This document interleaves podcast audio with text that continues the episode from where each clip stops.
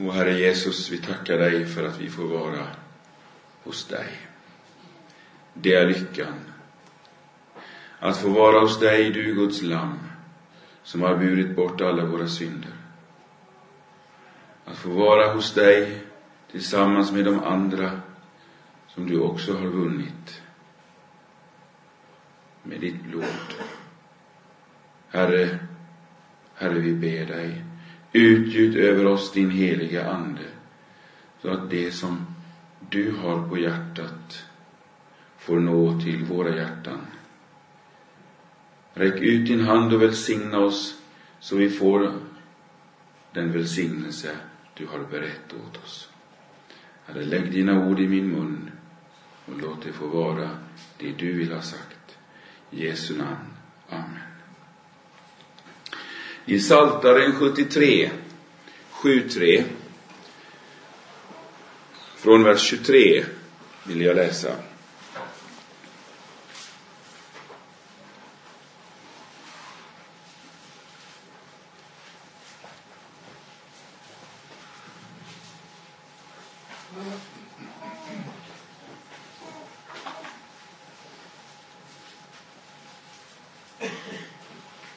Saltaren 73 från vers 23.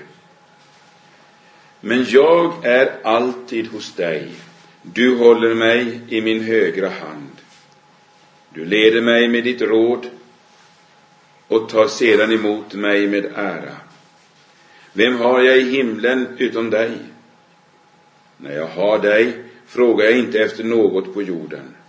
Om än min kropp och min själ tynar bort, så är Gud mitt hjärtas klippa och min del för evigt. Ty de som är fjärran från dig går under, du förgör alla som trolöst sviker dig. Att vara i Guds närhet är lycka för mig. Jag tar min tillflykt till Herren, Herren, för att kunna tala om alla dina gärningar. Att vara i Guds närhet är lycka för mig. Att få vara i Guds närhet, där Gud är, nära Gud, hos honom. Han som har skapat himlarna, himlarna, hela universum, han som har skapat jorden, makrokosmos och mikrokosmos. Han som har gjort detta. Att vara hos honom. Säger psalmisten, det är lycka för mig. Det är lyckan. Och han sa innan, men jag, håll, men jag är alltid hos dig och du håller mig i min högra hand. Det hade inte känts så hela tiden för, för honom. Det hade känts precis tvärtom. Han var så olycklig. Han tyckte det gick så bra för alla andra. Men för honom som ville höra Herren till så gick det inte alls så, så bra. Det var inte alls så lätt att leva. Och det är det ju inte. Men han betraktade konsekvensen av det som är, som det står om, de ogudaktiga, för vilka det går väl. När han ser på deras slut, då insåg han, nej, lyckan är inte att det går väl här och nu, utan det är att få vara med Gud nu och i evighet. Att få vara med Gud, få vara hos honom. Den här versen 28, den blev så stor för mig här om morgonen. Att vara i Guds närhet är lycka för mig. Det är det som är, det är, som är lyckan. Så kan det få gå hur som helst och viss. Nej, det, det är inte så jag menar, men det är ändå mitt i den värld vi lever. Och psalmisten säger att jag tar min tillflykt till dig. I den situation jag har så flyr jag till dig. För hos dig, Herre, är min lycka. Nu är frågan hur man kommer in i en sådan, sådan lycklig ställning. Där man verkligen kan få erfara att detta är lyckan. Och vad är det som, vad är det som, som har hänt med alla Guds heliga genom, genom århundraden och årtusenden? Och vad är det som är själva den där avgörande punkten? För att vara i Guds närhet, hur kan det vara lycka när det står på, ett annat ställe, på andra ställen att, att, att, att ingen människa kan se Gud och leva? Att falla i den levande Gudens händer är förskräckligt. Hur kan det vara? Hur kan det, hur kan det bli till lycka att få vara nära Gud, den helige, den rättfärdige? Och jag, som är en syndare. För jag är alltigenom syndig. Och har jag börjat vandra i Guds ord så är det uppenbart. Mitt samvete bekräftar vad Guds ord säger. Att jag är syndare. Alla de orena tankar som kan gå genom ens huvud på en endaste dag. På en endaste timme. Vilket, vilket, vilken avgrund av ondska som ligger där nere i botten. I mitt eget hjärta. Hur skulle jag kunna få vara i Guds närhet? Nu ska vi in på ett, ett underbart perspektiv i Saltaren. Gång på gång så kommer en viktig fråga upp och det handlar om rättfärdighet. Det står om, om den rättfärdige, hur väl det går för honom, hur, hur gott han har det. Ska då läsa några ställen och så ska vi vandra in i det och, och se om vi får några viktiga perspektiv på detta. Vi börjar i Saltaren 40.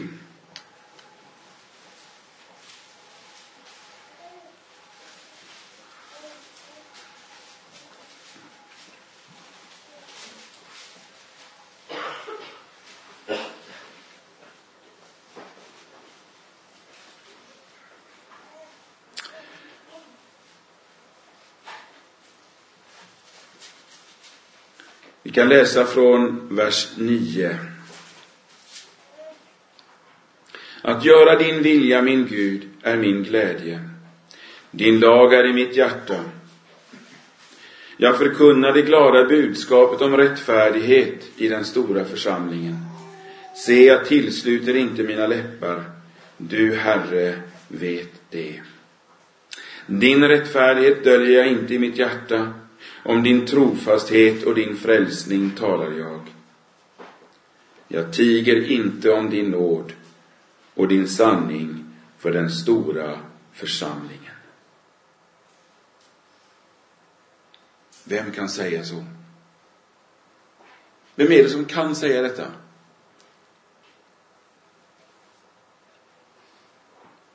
Ja, nog kan vi ibland stämma in i det. Men det är också så att vi inte alltid kan stämma in i det. För det är visst inte alltid så att vår vilja är sådan att det är min stora glädje. Det står i vers 8, se jag kommer, i bokrullen står det skrivet om mig. Vem handlar det om? Ja, nu är vi åter tillbaka vid det som vi var inne i förra bibeltimmen. Det är ju om honom. Detta det är ju hans ord. Han som har bett saltaren mera än någon av oss andra. Det är hans ord. Och vi ska läsa detta som hans ord. Han hade i sitt hjärta den viljan att eh, göra Guds vilja. Det var hans glädje. Hans lag var i hans hjärta. Och i bokrullen var det skrivet om honom. När Jesus stod i Nasarets synagoga och han fick Jesaja 61 framför sig. Och han läste detta för den församlade menigheten i Nasarets synagoga. Om, eh, om, om den friheten, om glädjen som skulle förkunnas. Och säger att detta har nu uppfyllts. I bokrullen är det skrivet om mig. Och här var det och här kommer ett av de här ställena där det blir väldigt tydligt hur så att säga, Kristushemligheten i Saltaren går i dagen. För det är han som förkunnar det glada budskapet om rättfärdighet. Den rättfärdighet som inte vi har, men som han kommer för att skaffa åt oss. Eh, vi kan bläddra ett par blad framåt. I Psaltaren 45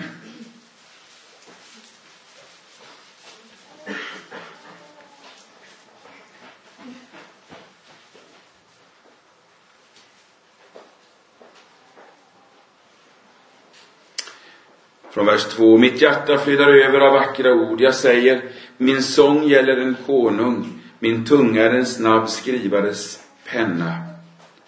Du är den skönaste bland människors barn. Nåd är utgjuten över dina läppar. Därför har Gud välsignat dig för evigt. Och så kommer det längre fram i vers 8. Du älskar rättfärdighet och hatar orättfärdighet. Därför, Gud, har din Gud smort dig med glädjens olja. Om honom står det att han älskar rättfärdigheten. Det är alldeles uppenbart att psalmisten här i den helige Ande talar om, om, om Kristus. Om honom. Han älskar rättfärdighet, han hatar orättfärdighet. Kan ni se Jesus framför er när han står nere vid Jordan? Han har just stigit upp ur vattnet i Jordan, döpt av Johannes. Och så står det att himlen öppnades och Guds ande sänkte sig ner som en duva. Och så kom de orden. Denne är min älskade son i vilken jag har funnit behag. Och funnit behag. Vad kan, vad kan Fadern ha behag i? bara i det som är utan synd. Bara det som är utan synd kan han ha behag i.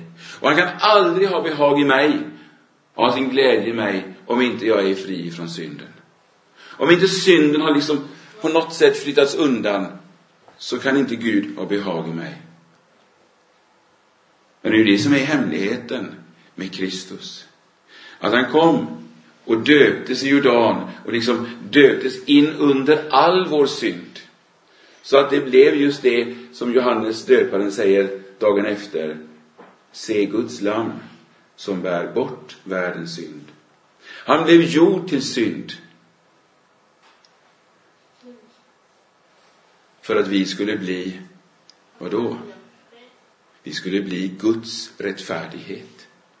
Vi, skulle, säger Paulus. Han blev gjord till synd. Han blev så gjord. Så han är den oskyldige. Låt mig få nu gå tillbaka till kapitel 17. Eller salmen 17.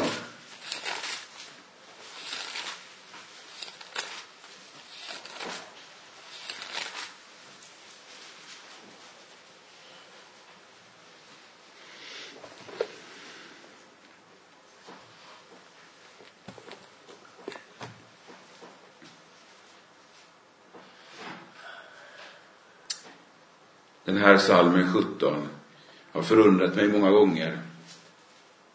Men jag vill dela med er hur jag läser den. Vi kan börja på vers, nej vi kan läsa från början. Hör Herre en rättfärdig sak, akta på mitt rop och lyssna till min bön. Den kommer ej från falska läppar. Från dig väntar jag mitt försvar. Dina ögon ser vad som är rätt. Du prövar mitt hjärta, du utforskar det om natten. Du ransakar mig, men du finner ingenting. Ingen ond tanke går ut från min mun. Vad människor än gör tar jag mig tillvara för våldsverkade stigar genom dina läppars ord. Visst är det underligt att läsa de där orden, du ransakar mig, men finner ingenting. Du rannsakar mig. Du finner ingenting. Ja, så kunde verkligen Jesus säga. När Jesus bad den här salmen så var det verkligen hans egen psalm. Du rannsakar mig, men du finner ingenting. Men när jag läser den i mig själv så måste jag ju bara säga han finner mycket. Han finner mycket. Men så är ju meningen med saltaren att när vi, vi beder saltaren så beder vi den i Jesus, med Jesus. Och det helt plötsligt får jag liksom stiga in där, in till honom som är den, den oskyldige, den rene. Och så får jag vara där med honom. Eh, samma sak står det om i, i psalmen 26.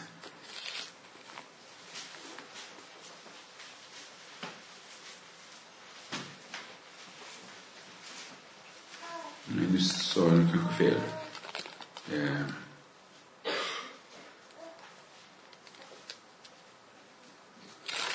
Aj, nu. nu tappar jag bort stället som jag var ute efter. Men vi gör istället så att nu går vi till eh, 32 och 33. Ursäkta mig.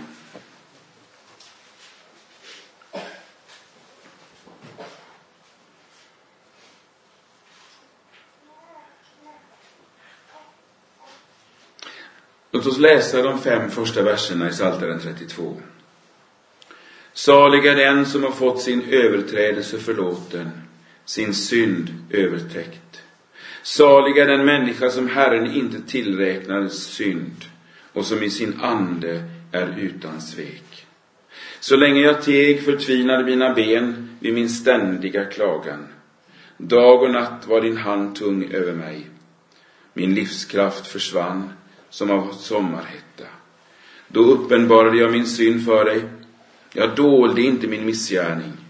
Jag sade, jag vill bekänna mina överträdelser för Herren. Då förlät du mig min syndaskuld. Hur går det till när vi blir av med vår synd? Det är två helt olika perspektiv. Vi har talat ganska mycket från Saltarens ord om vad Jesus har gjort. När Jesus gick till Golgata så bar han all vår synd med sig dit. Hur blir det mitt? Ja, David beskriver det i den här salmen oerhört tydligt. Han säger att salig är den som har fått sin överträdelse förlåten. Den är salig. Vi, vi läser från Psaltaren 1 förut om att om salig är eh, den som inte vandrar i de ogudaktigas råd. Och salig är den som tar sin tillflykt till Sonen. Men här kommer det att salig är den som har fått sin överträdelse förlåten. Det så är den innersta punkten i vår, i vår samvaro med, med Herren. Det är att vi får vara med honom som förlåtna syndare. Att den är salig som har fått sin synd förlåten. Den som inte har sin synd förlåten, den som inte har fått hämta ut den, är en olycklig människa. Har inte frid. Vi hade sjöng sången om, om den här stora skatten, att få ha fred. Att ha fred, eller frid säger vi på svenska i det här fallet. Ha frid med Gud. Det är i detta att min synd, den är förlåten. Salig är den människa som Herren inte tillräknar synd och som i sin ande är utan svek.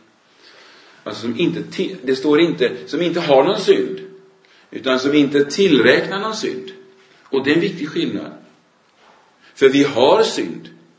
Men säll är den, eller salig är den, som Herren inte tillräknar synd. Hur gick det till för David när David fick ta emot den förlåtelse som fanns hos Gud för Jesu Kristi skull, han som skulle dö tusen år senare? När den kom till David in i hans akuta läge, som är en beskrivning av alla, ursäkta, alla situationer. Jo, det är det som kommer i de följande verserna. Och som är en, en beskrivning av att vara utan svek. Så länge jag teg förtvinade mina ben vid min ständiga klagan. Dag och natt var din hand tung över mig. Min livskraft försvann som av sommarhetta. Visst har, vet ni vad detta är? När, man går, när det går och skaver, man, man vet man har syndat. Man vet det. Så länge jag teg, var tyst. Jag tänker att var och en här inne som har fått smaka evangeliets ljuvlighet vet något om detta också. Hur ont det gör, hur obehagligt det är, hur tryckande det är. Då uppenbarade jag min synd för dig. Jag dolde inte min missgärning. Jag sade, jag vill bekänna för Herren mina överträdelser. Och så kommer det, då förlät du mig. Då förlät du mig. Kan ni höra liksom på något sätt den här befrielsen? När det liksom stenen ramlar av. Ni, kommer, ni som har läst Kristens resa kommer ihåg hur det var när, när kristen som kom med den där mycket, mycket besvärande bördan på ryggen.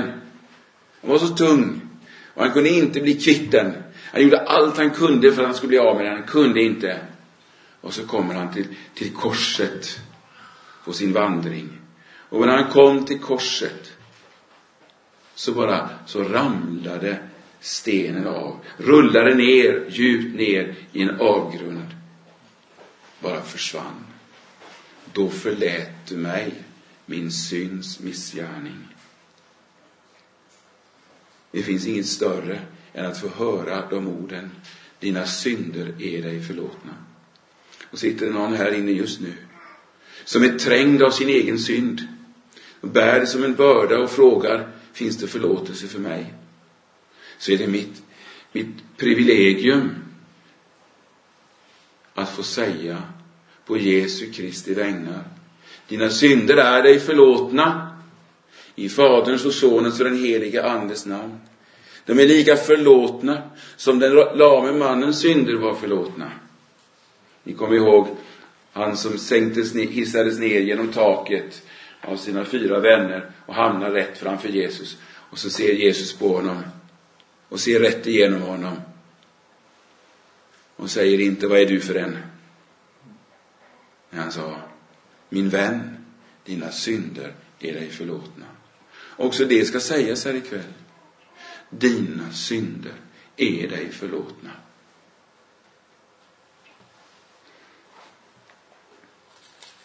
Om vi nu tittar lite närmare på en viktig sak här i slutet av, av här, den här salmen. Då står det från vers 10. Den ogudaktige, alltså som inte vill bekänna sin synd, han har många plågor. Men den som förtröstar på Herren, och det är, det är när man kommer till honom med sin synd. Honom omger han med nåd. Och så står det, var glada i Herren och fröjda er och så kommer ett ord. Vad säger psalmisten nu om dem som har, den som har bekänt sin synd och tagit emot syndernas förlåtelse? Jo, han säger, ni rättfärdiga. Var glada i Herren och fröjda er, ni rättfärdiga. Jubla alla ni rättsinniga. Ordet rättsinnig här tror jag betyder just detta, att man uppriktigt säger till Herren hur det är. Man är öppen, uppriktig och säger så här är det.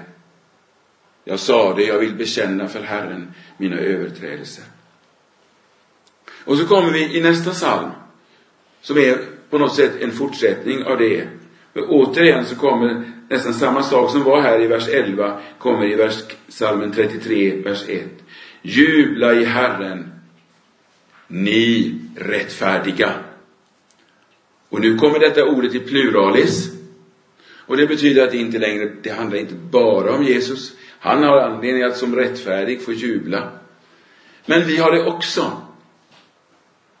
Få jubla och vara verkligt glada.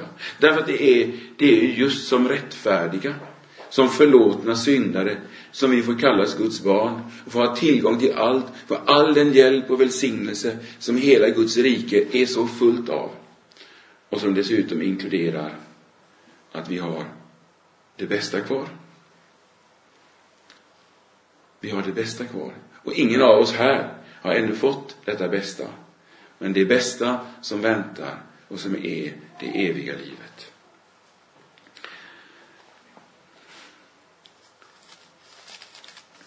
Nu kommer vi i den här salmen 33 in på någonting som är stort och underbart. Och som ligger i eh, det som står i den tredje versen.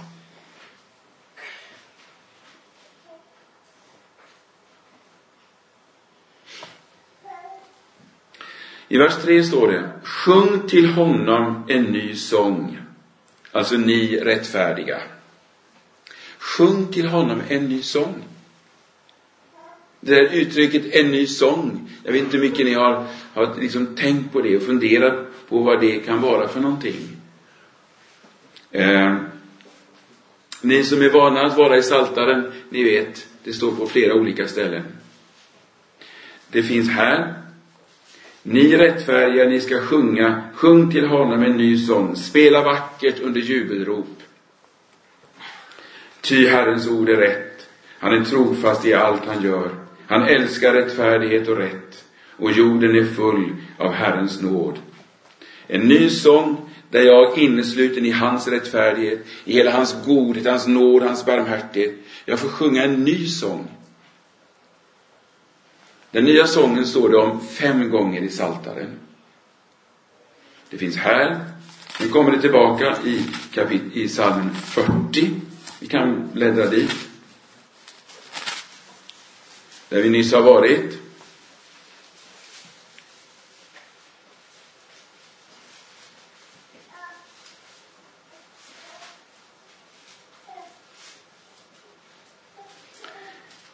I salmen 40.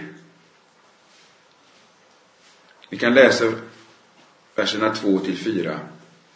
Jag väntade ivrigt på Herren och han böjde sig till mig och hörde mitt rop. Han drog mig upp ur fördärvets grop, ur den djupa dyn. Han ställde mina fötter på en klippa. Han gjorde mina steg fasta. Han lade i min mun en ny sång. En lovsång till vår Gud. Många ska se det och, och frukta och de ska förtrösta på Herren. Här beskrivs det som vi nyss har beskrivit ifrån Psaltaren 32.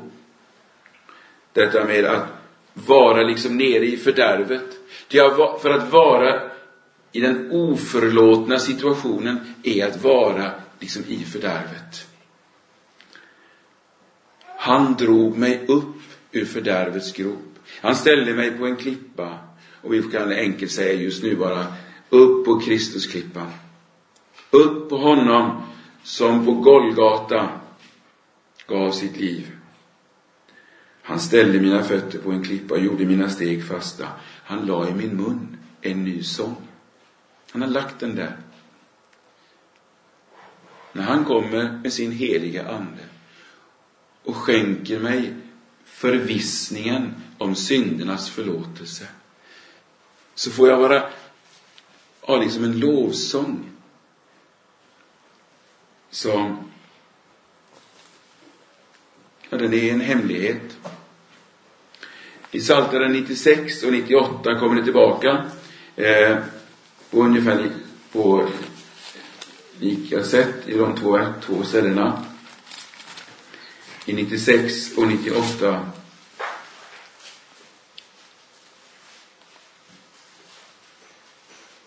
Här uppmanas hela jorden att sjunga en ny sång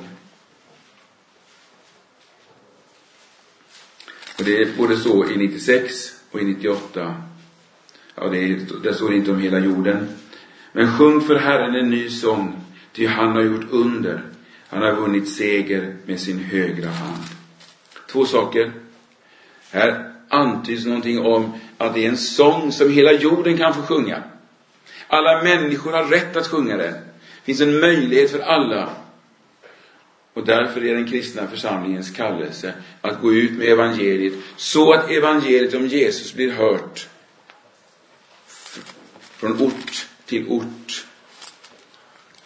Och det som är lovsångens innehåll, här kommer det fram i, vers 98, i kapitel 98. Han har gjort under. Han har vunnit seger med sin högra hand med sin heliga arm. Vad är det? Hans högra hand, hans heliga arm. Vad är det för en hand som är räckt ner från himlen på jorden och genom vilken han har vunnit seger? Och det är Kristus. Det är fadershanden som har kommit ner och med den har han vunnit en sådan seger och uppenbarat en rättfärdighet. Och så står det i vers 2, för hedna folkens ögon.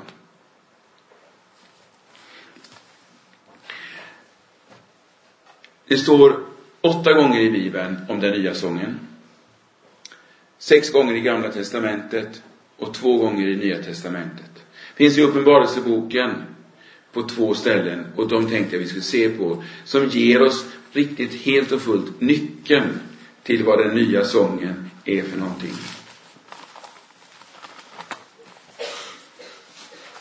I Uppenbarelsebokens femte kapitel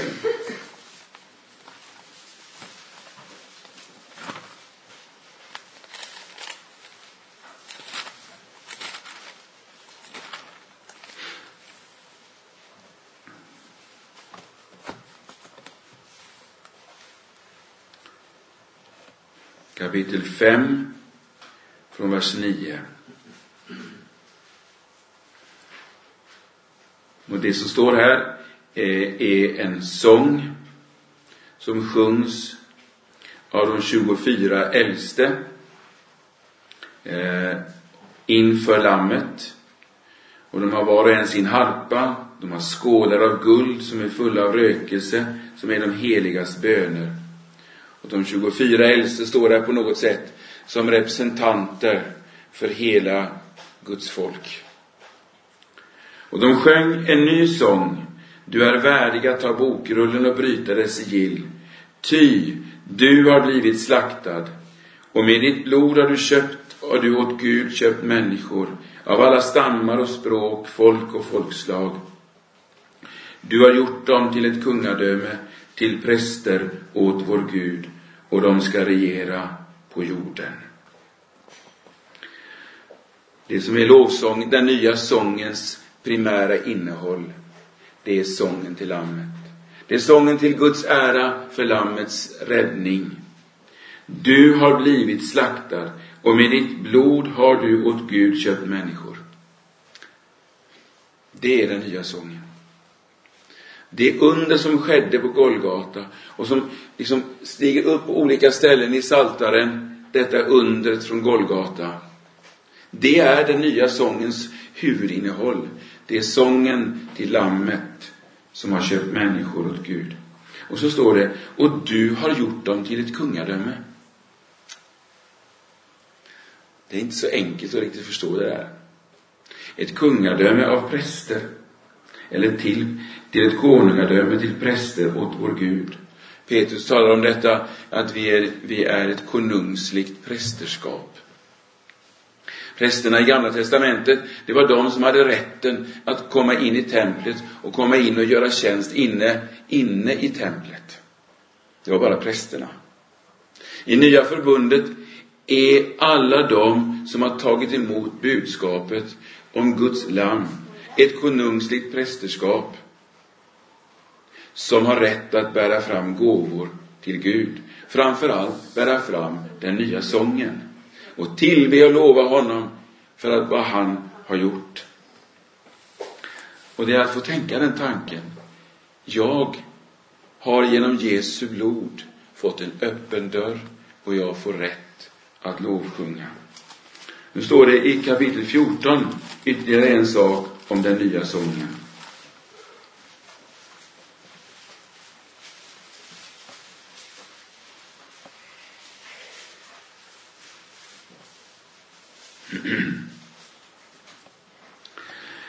Där får vi en syn.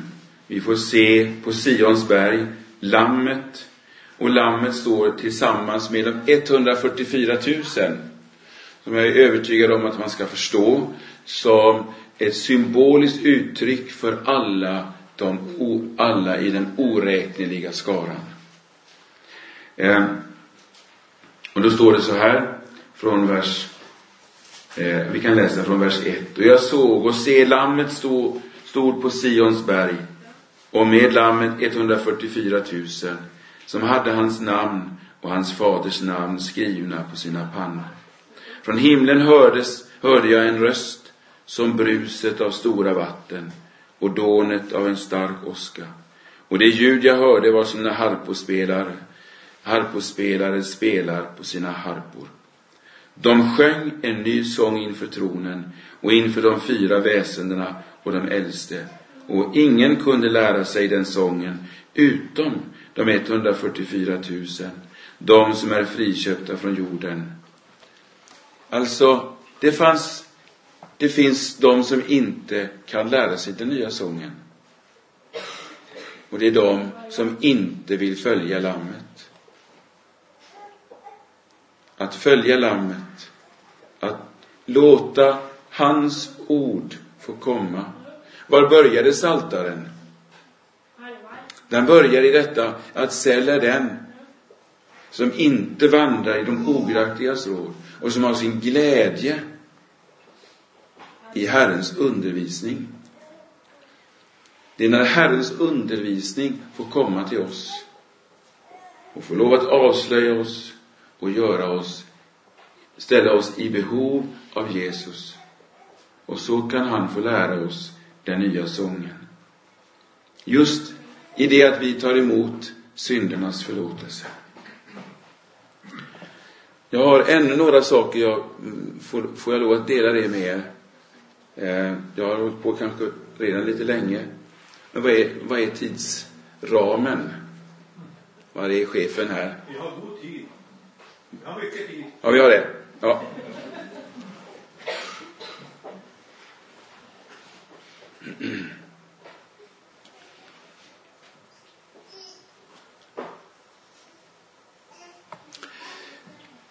Saltaren, eller Salmernas bok, den var Jesu egen bönbok.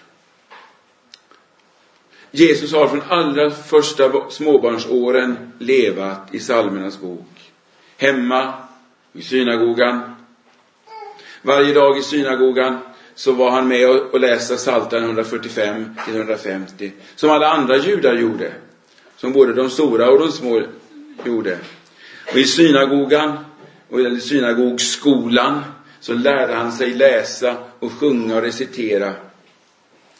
Och, och han var med när han vid 12 års ålder drar iväg till Jerusalem så har han redan fått lära sig vallfartssalmerna.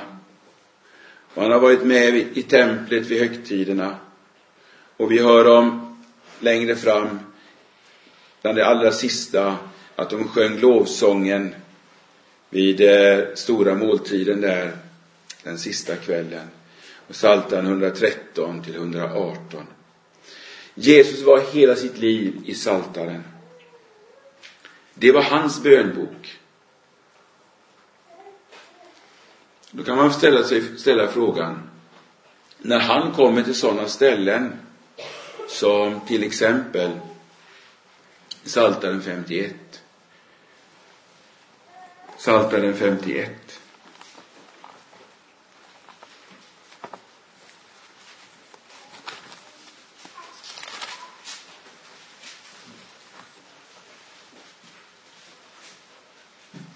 Hur kunde Jesus läsa den salmen och göra det uppriktigt och läsa den riktigt? Gud var mig nådig enligt din godhet. Utplåna mina överträdelser enligt din stora barmhärtighet. Två mig väl från min miss, två mig ren från min missgärning. Rena mig från min synd. Ty jag känner mina överträdelser och min synd är alltid inför mig. Det är mot dig jag har syndat och gjort det som är ont i dina ögon. Hur kunde Jesus be så? Han bad ju så. För han bad saltaren. Och därför, inte därför att han i sig själv var en syndare, men därför att han blev gjord till synd. All vår synd var verkligen lagd på honom på ett sådant sätt att han var tvungen att be de orden. Gud, var mig nådig. Utplåna mina överträdelser enligt din stora barmhärtighet. Och hur blev synderna, eller de, hur blev de utplånade? Jo, de utplånades genom att han fick bära straffet själv. Så plånades de ut. Men det är viktigt att vi får liksom tänka den tanken in i varenda psalm att detta har Jesus själv bett. Om vi då vandrar vidare till andra salmer som kan vara krångligare ur ett annat perspektiv, så blir detta ett sånt viktigt perspektiv att, att han har bett allt sammans som står där i Saltaren. Om vi nu tar till exempel Saltaren nummer 139.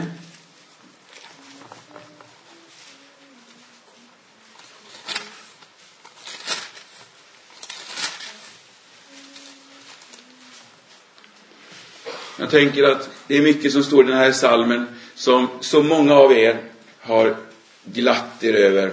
Det står så underbara ting om, om, om skapelsen, om Guds närhet. Här står det om detta att om jag, om jag sitter eller står vet du det. Om jag går eller ligger utforskar du det. Du omsluter mig på alla sidor och håller mig i din hand. Det är dyrbart att få tänka det. Du håller mig i din hand. Också att tänka detta att, att när jag var ett litet foster en gång i mamma Ebbas mage. Det är ett tag sedan. Då såg hans ögon mig. Och det står också att alla mina dagar blev räknade. Här finns också den underbara bönen som jag tänker att många av er jag hoppas alla ofta har bett. Utrannsaka mig, Gud, och känn mitt hjärta. Pröva mig och känn mina tankar och se till om jag är stark på en olycksväg och led mig på den eviga vägen. Men så finns det några verser här som, som skapar så mycket trubbel. Och det är verserna 19 till 22.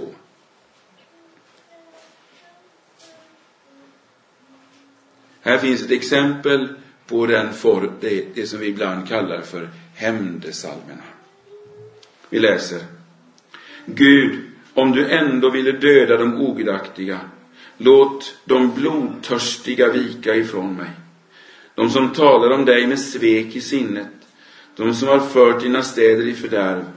Skulle jag inte hata dem, de som hatar dig, Herre? Skulle jag inte känna leda vid dem som står dig emot? Jag hatar dem med starkaste hat. Mina fiender har de blivit. Hur ska man läsa detta? Hur ska man förstå detta? Jag tror inte att jag står här och kan ge hela svaret på det, men jag vill ge ett perspektiv på det. Och det är detta att så här har Jesus bett. Han har bett de här orden. Och i hans mun, när han tar Guds, Guds andes ord i sin mun och ber dem med hela sin rena själ, så är det inte fel. Och den hämnd som han ber om är en hämnd över Guds fiender.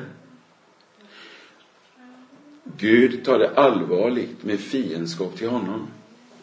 Det finns en dom över allt det som står Gud emot och som kommer en dag, den sista stora dagen, att få en, en, en kolossal eh, förödelse. Men här finns det en bön som ligger här och som också är given åt Guds folk att be. Och den är en hjälp. För vi befinner oss alla i en situation där det finns, där Guds folk har fiender. Vi har fiender runt omkring oss. Både liksom fysiska, men också de andliga fienderna. Och det har getts åt oss. Men vi ska få be det, be den här, de här verserna tillsammans med Jesus. Jag ber med honom, innesluten i honom och med honom i mitt hjärta så ber jag det här och vet att när han ber det så blir det rätt. Och så på det, på det sättet blir jag, får jag liksom hjälp att be mina fiender bort ifrån mig. Inte så att jag vill någon människa en, en, en olycka. För en kristen människa kan aldrig önska olycka över någon annan. Men jag ska bära Guds dom i mitt hjärta. Samtidigt som jag med, Gud, med samma Guds kärlek ska bära människorna med mig i bönen och ropa till Gud för dem. Jesus bad för dem som spikade fast honom vid korset. Fader, förlåt dem, för de vet inte vad de gör.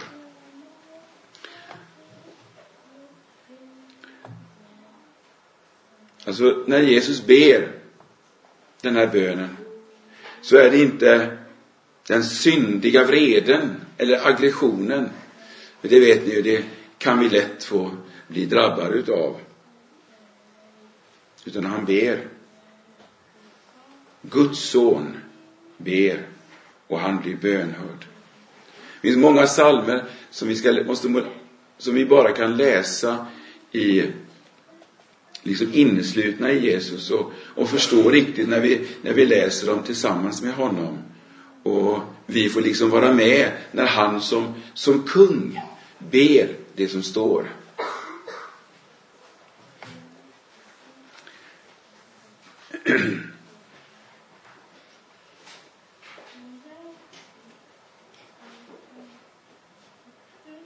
Jag kommer nu nästan till, till slutet.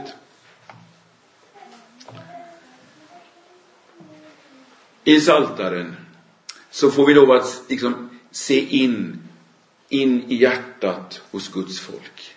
Och vi får också se in i hjärtat hos vår frälsare. Vi ser in i hjärtat hos dem som är på väg mot det eviga målet. I eh, Matteus 25, förlåt, i Matteus 24 så talar Jesus om hur på den, den dagen när han kommer i härlighet så ska Guds änglar gå ut och samla från alla jordens väderstreck ska han samla människor. Och dessa människor har alla haft det på, på liknande sätt. Det har varit samma nöd, samma kamp och det är samma ljuvliga erfarenhet eller samma ljuvliga ord om lammet, om syndernas förlåtelse. Och, den, och saltar, saltarens salmer eh, tar oss liksom med in i dessa, i hur, hur Guds folk har haft det. Och när jag ber Saltaren salmer så ber jag tillsammans med Jesus. Jag ber också tillsammans med, med alla de andra ut över jorden som står i samma kamp som jag. Och därför är det gott att be saltaren. Och jag skulle vilja få uppmuntra er att verkligen använda saltaren på ett eller annat sätt varje dag. Varje dag. Och vandra igenom alla psalmerna. Låt ingen psalm gå förbi. Det kan vara klurigt ibland att förstå allt. Men varje dag i psalmerna. Och gör vi det, då gör vi det. Då går vi tillsammans med Jesus. Han gick där. Och även om vi inte läser lika många psalmer som han läste varje dag, både för sig själv och tillsammans i synagogan, för det blev åtskilliga Ja, han läste hela saltaren så som varje from jude under, på en veckas tid och flera salmer flera gånger samma vecka. Men det avgörande är att här har Gud gett oss en, en förunderlig bok, en skattkammare genom vilken vi förs in i Guds närhet. Och att vara i Guds närhet, det är lycka för mig, sa psalmisten. Amen. Käre gode Gud. Du har skänkt oss en helig skrift som vi har fått vara inne i lite grann. Salmernas bok. Vi ber dig att denna heliga trädgård, att den skulle få vara förnyat en hjälp för oss. Där vi får smaka din godhet och korsfästa vår gamla människa. Där vi får hjälp att leva, att vandra med dig och så att du får lägga din vilja på nytt och på nytt in i mitt hjärta. Vi ber om detta i Jesu namn. Amen.